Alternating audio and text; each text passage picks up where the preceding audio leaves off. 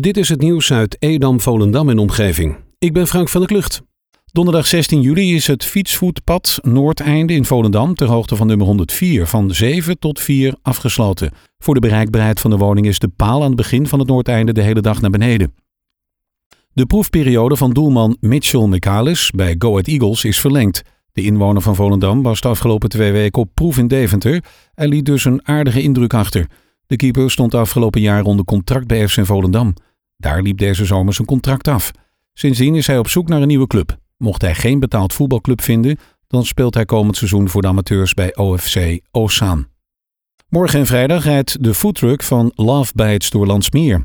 Menno en Linda bakken hun eigen foodtruck wraps en mini-kipburgertjes. Vrijwilligers brengen dit lekkers bij de mensen thuis. Medewerkers van dienstencentrum Samen Meer, Wonen Plus, Evian, Zorgcirkel, Mee en SMD hebben eenzame inwoners en hun mantelzorgers voor deze actie aangemeld. Zo'n 600 inwoners ontvangen een lekkere snack en informatie over contact en ontmoeting in Landsmeer. Verwacht wordt ongeveer 600 hapjes te kunnen verzorgen over twee dagen. De ambitie met betrekking tot sport en bewegen in Purmerend en Beemster is recent vastgelegd in het lokaal sportakkoord. Lokale sportverenigingen, de sportraad, het onderwijs, maatschappelijke partners en de gemeente zijn samen tot de invulling van het lokaal sportakkoord gekomen. Dit akkoord benoemt de belangrijkste ambities en daarbij behorende acties waar ze komende jaar gezamenlijk de schouders onder willen zetten. Met als doel ervoor te zorgen dat iedereen in een veilige, gezonde omgeving met plezier kan sporten en bewegen. Het RIVM gaat onderzoeken wat de mogelijkheden zijn om veilig te recreëren in park Nauwerna. De opdracht is afkomstig van de gemeente Zaanstad, afvalzorg Nauwerna, Belangengroep Nauwerna en de provincie Noord-Holland. Doel van het onderzoek is te bepalen hoe het park op de plek van stortplaats Nauwerna gebruikt kan worden door recreanten zonder dat de volksgezondheid in het geding is. Het park werd in maart vorig jaar voor een deel afgesloten naar de vondst van zwaar vervuilde plaswater op een van de hellingen.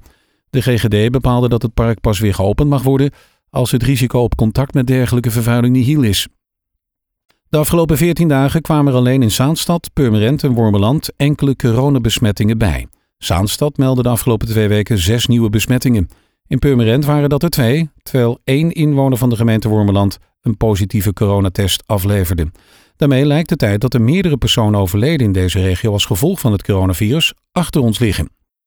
Een auto is gistermiddag van de weg geraakt en in de sloot beland op de A7. De bestuurder stond enige tijd op de auto om droog te blijven.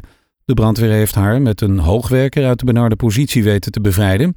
Er kwamen veel hulpdiensten te plaatsen, maar de verwondingen van de bestuurder bleken mee te vallen. Er waren geen andere auto's bij het ongeluk betrokken. Hoe het kon gebeuren dat de cabrio in het water terecht kwam, is nog niet duidelijk. Er is een nieuwe noodverordening opgesteld die vanaf vandaag geldt voor de regio Zaanstreek-Waterland. De basisregels blijven gelden, blijf thuis bij klachten en laat je ook dan testen. Werk zoveel mogelijk thuis, handen wassen, anderhalve meter afstand houden en drukte vermijden. Alle maatregelen zijn terug te vinden in de noodvordering van 15 juli. Deze kan je downloaden op de pagina van de gemeente. Voor andere vragen over de aanpak van het coronavirus en de maatregelen, kijk dan op de landelijke website waar vragen en antwoorden te vinden zijn. Aanstaande maandag begint de gemeente Waterland met het reinigen en inspecteren van de riolering op Marken. Het betreft de gehele oude kern en de werfjes met uitzondering van de nieuwbouwwijk Minnenbuurt. Naar verwachting nemen de werkzaamheden zo'n vier weken in beslag. Vooruitlopend op de werkzaamheden wordt men door de aannemer geïnformeerd middels een bewonersbrief. Het verkeer ondervindt geen hinder van deze werkzaamheden. Tot zover het nieuws uit Edam, Volendam en omgeving. Meer lokaal nieuws vindt u op de Love Kabelkrant, onze website of in de app.